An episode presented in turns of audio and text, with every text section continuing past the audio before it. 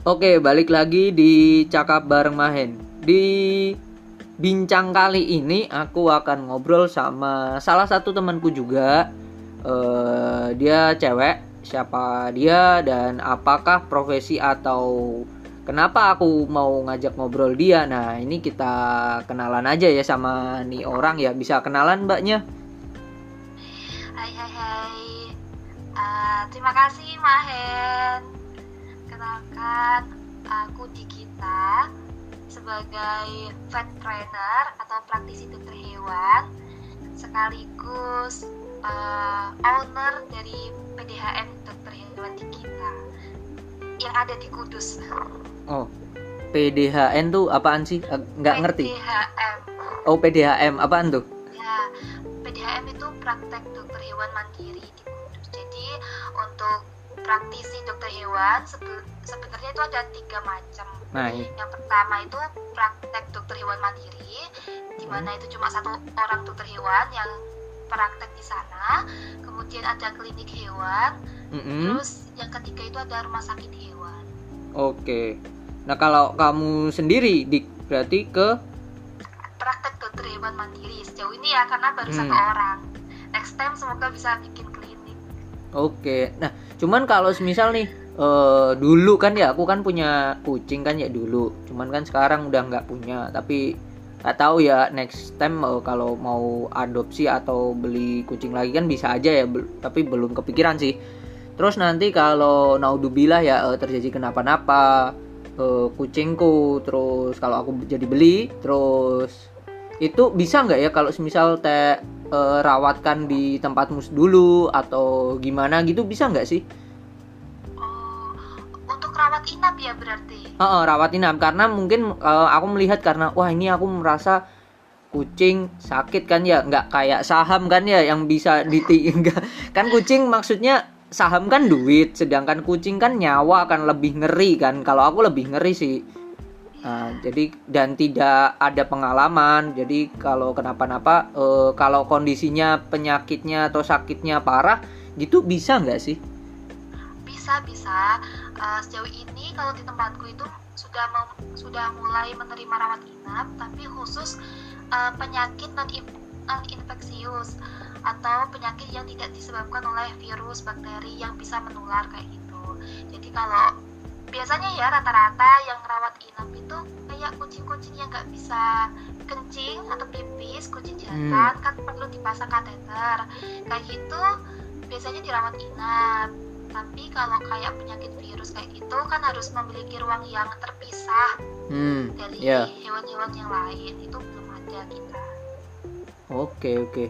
nah kalau uh, dulu kan aku punya kucing kan ya uh, terus di salah satu tempat di Kudus juga uh, dia bisa ada dokternya ada tempat cuci hewannya terus uh, ada salonnya juga lah. Nah kalau kayak kayak gitu tuh di klinik itu boleh apa bebas sih aslinya ya? Grooming ya?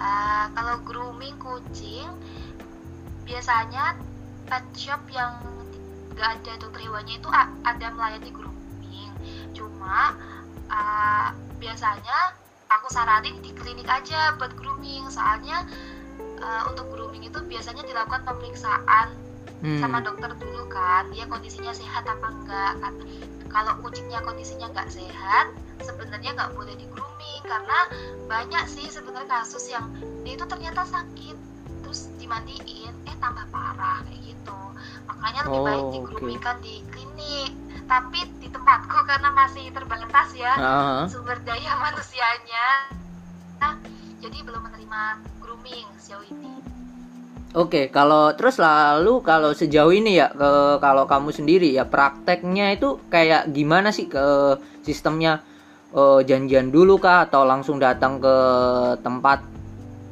ke praktekmu kah atau gimana nih? Oke, kalau praktekku sendiri aku kan bukanya dari jam 7 sampai jam 7 malam ya kalau nggak salah di Google itu. Mm-hmm. nah, nanti aku lihat soalnya kadang tuh berubah-berubah kan. Dan dan suka-suka kau juga kan? Eh besok libur lah. Mohon maaf ya, ya teman-teman jadi uh, kalau kalau di aku itu kalau jadwal praktek pagi ah nggak gini. Jadi kalau di tempatku itu sekarang udah mulai punya pola tuh Dra. Oh, klien yang datang ke tempat klinik itu rata-rata pagi sama sore atau malam. Jadi aku kalau eh, aku sekarang ini melayani dua dua dua sistem yang datang ke klinik sama yang visit atau home care.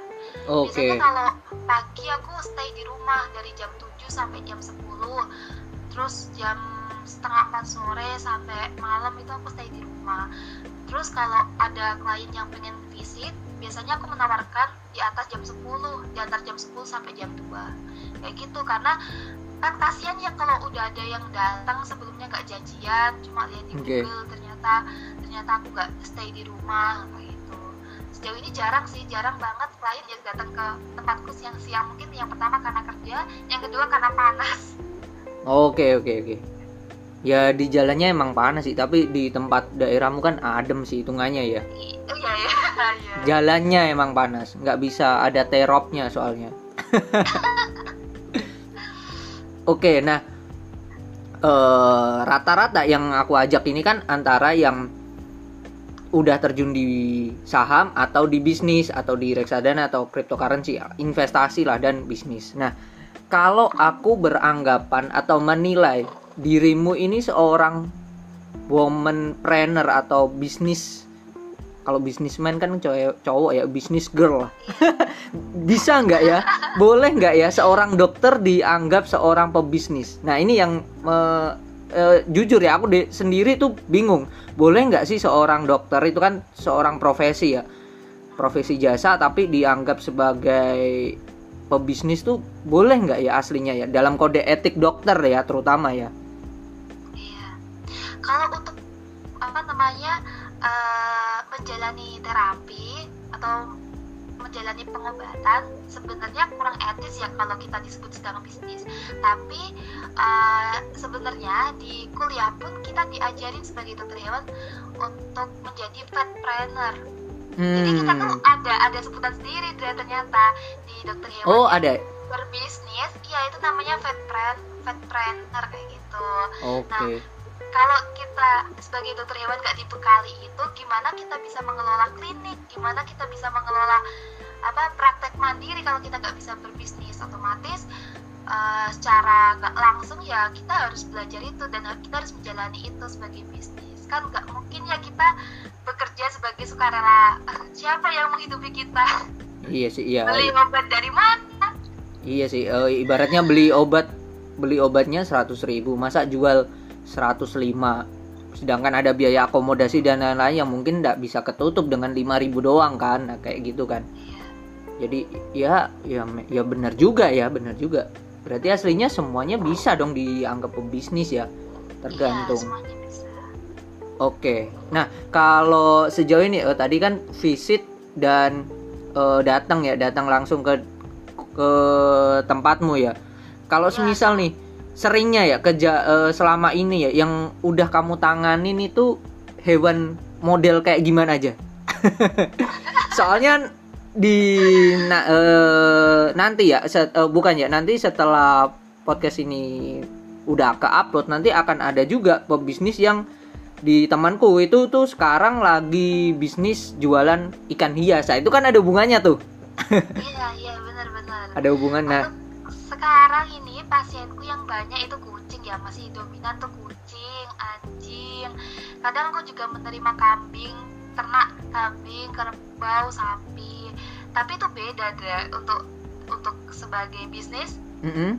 eh, dua tipe pasien itu aku bedain Oh, oke. Eh, terus untuk eksotik seperti ular terus biawak eh, kura-kura ini baru baru ada satu dua yang datang burung kayak gitu untuk ak- untuk akuatik kayak ikan belum ada tapi pengen juga sih punya pasien eh, ikan-ikan kayak gitu karena di, di Jabodetabek ya di Jakarta Surabaya udah mulai Banyak banyak, ya. dokter hewan yang eh, praktisi sebagai dokter ikan dan ikan koi Iya, iya, iya.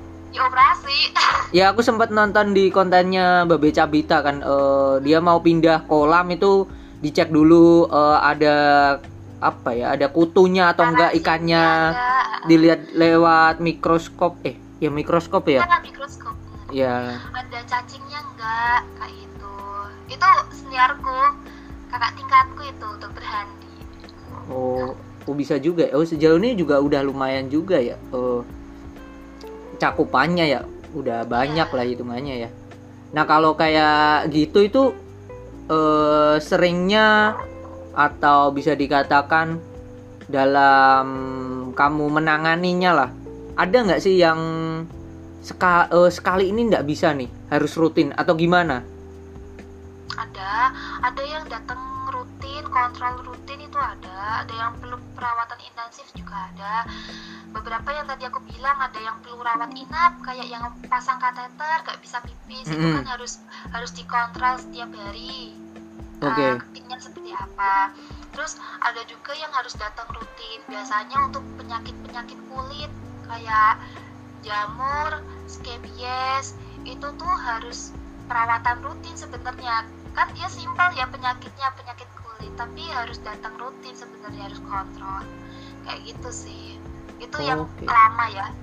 Beberapa penyakit yang lama. Kalau kayak flu diare biasanya cepat sih. Dua minggu sampai tiga minggu cukup.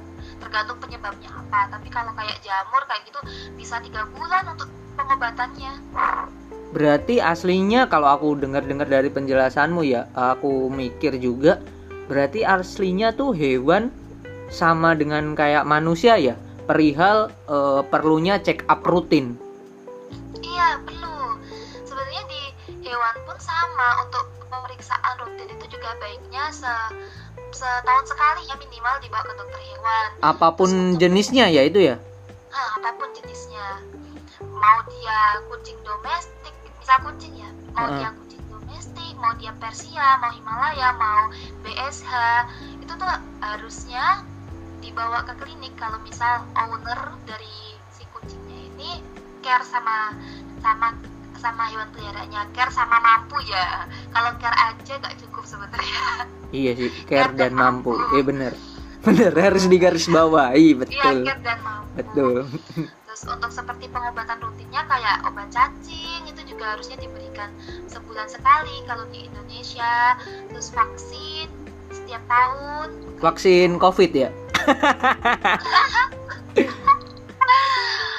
Hmm. Kalau vaksin COVID enak gratis. Kucing nabung bu. Eh, itu pun ya beda-beda ya antara vaksin burung dengan kucing dengan apa ya anjing itu beda ya.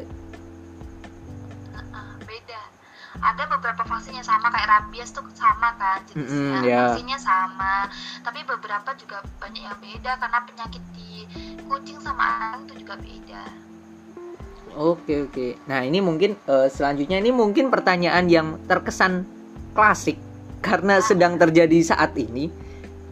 Ada nggak pengaruhnya di COVID ini?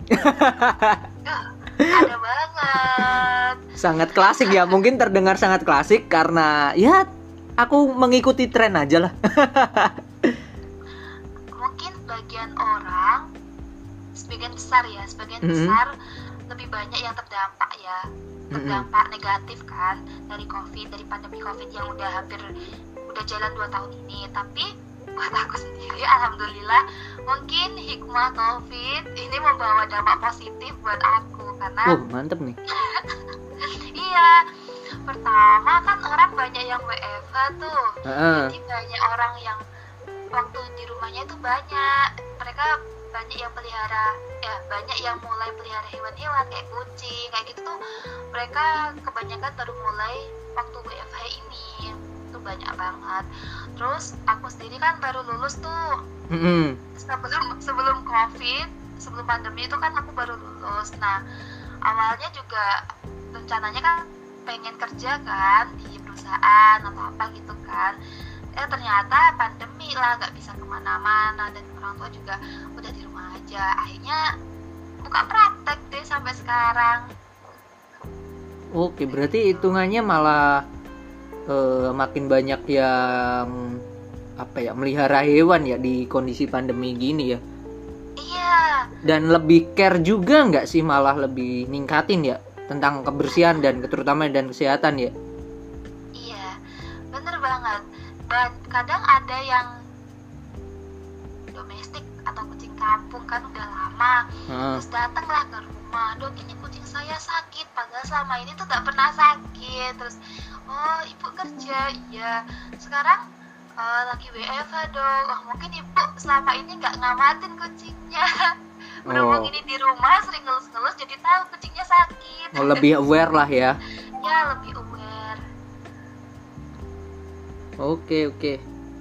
Nah kalau dari kamunya sendiri dik, plannya lah untuk ke depan lah boleh plan jangka pendek, jangka panjang, monggo lah dari perihal ya perihal dunia farm apa tadi farm entrepreneur. fat Eh vet farm kan geblek kan. paham kan peternakan farm peternakan ya. iya Ya. Ya itulah. Gimana? Karena ngelihat prospeknya ternyata alhamdulillah ya Hmm. jadi pengen pengen terus ngembangin pelan-pelan satu-satu karena ah, ya kamu tahu lah ya Dra aku mulainya kan bener bener dari nol Ya. Gak ada tuh orang tua yang sebelumnya dokter atau bis dokter hewan atau bisnis gitu kan gak ada ya pekerjaan main orang tua zaman dulu kan ya PNS ya Iya. kayak gitu. Jadi aku bener-bener mulai dari nol terus ngerasain ternyata buat ngembangin bisnis itu juga asik. Ya ke depan pengennya ya terus ngembangin tempat praktek ini sih. Entah nanti bikin klinik atau bikin cabang baru kayak gitu. Mungkin teman-teman yang dengerin di sini pengen kolaborasi ya yuk. Nah, boleh nih, boleh. Nah, kalau semisal nih, eh, aku di ada biayanya nggak? Semisal nih, aku di luar kota, aku di Surabaya, let's say di Surabaya, aku punya hewan, terus aku konsultasi lah lewat kamu by DM mungkin yang nggak kenal ya. Kalau aku kan udah kenal bisa lewat WA ya, Eh, bisa lewat DM atau apa pun itu jejaring sosialmu. Itu boleh nggak ya? Atau ada kayak mekanisme tersendiri ya dari kamu sendiri lah sejauh ini? Oh, untuk telemedicine Oh itu telemedicine ya namanya ya? iya Agak ngerti namanya-namanya nih.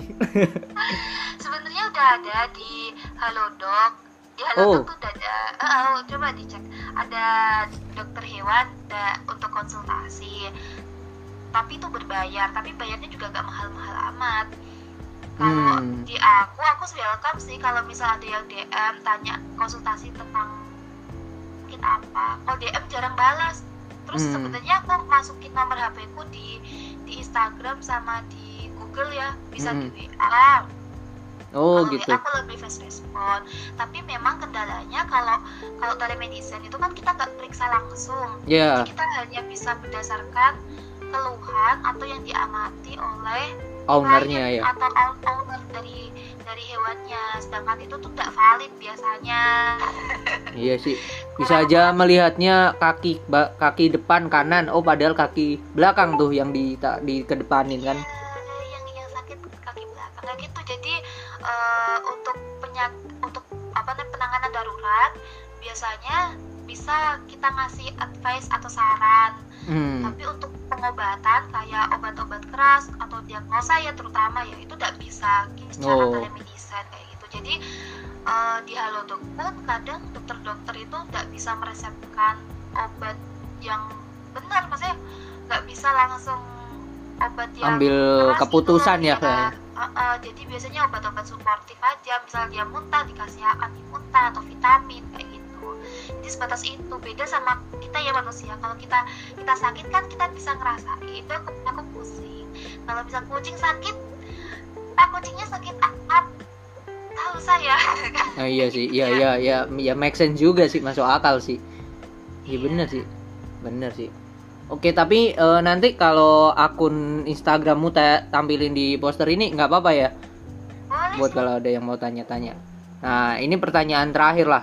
Eh kan kamu kan juga kebetulan Prof eh, dulunya kuliahnya di hewan terus kerja eh, mau nggak mau lah terjun di dunia bisnis karena tadi ada pelajaran atau mata kuliah yang berbau dengan bisnis juga.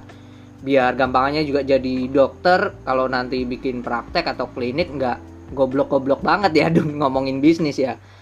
Iya. Nah untuk teman-teman lah yang mau terjun di bisnis tapi masih tapi-tapian atau whatever lah.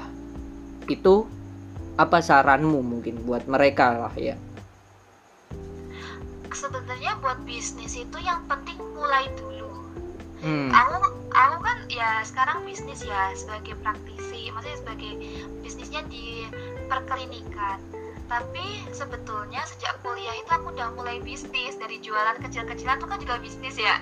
Ya boleh gitu. boleh jadi diambil. yang penting itu mulai dulu. Misal kita mentalnya nggak kuat kita mentalnya nggak kuat untuk bisnis dengan modal yang besar bisnislah dengan modal yang kecil. Itu sebenarnya tidak masalah.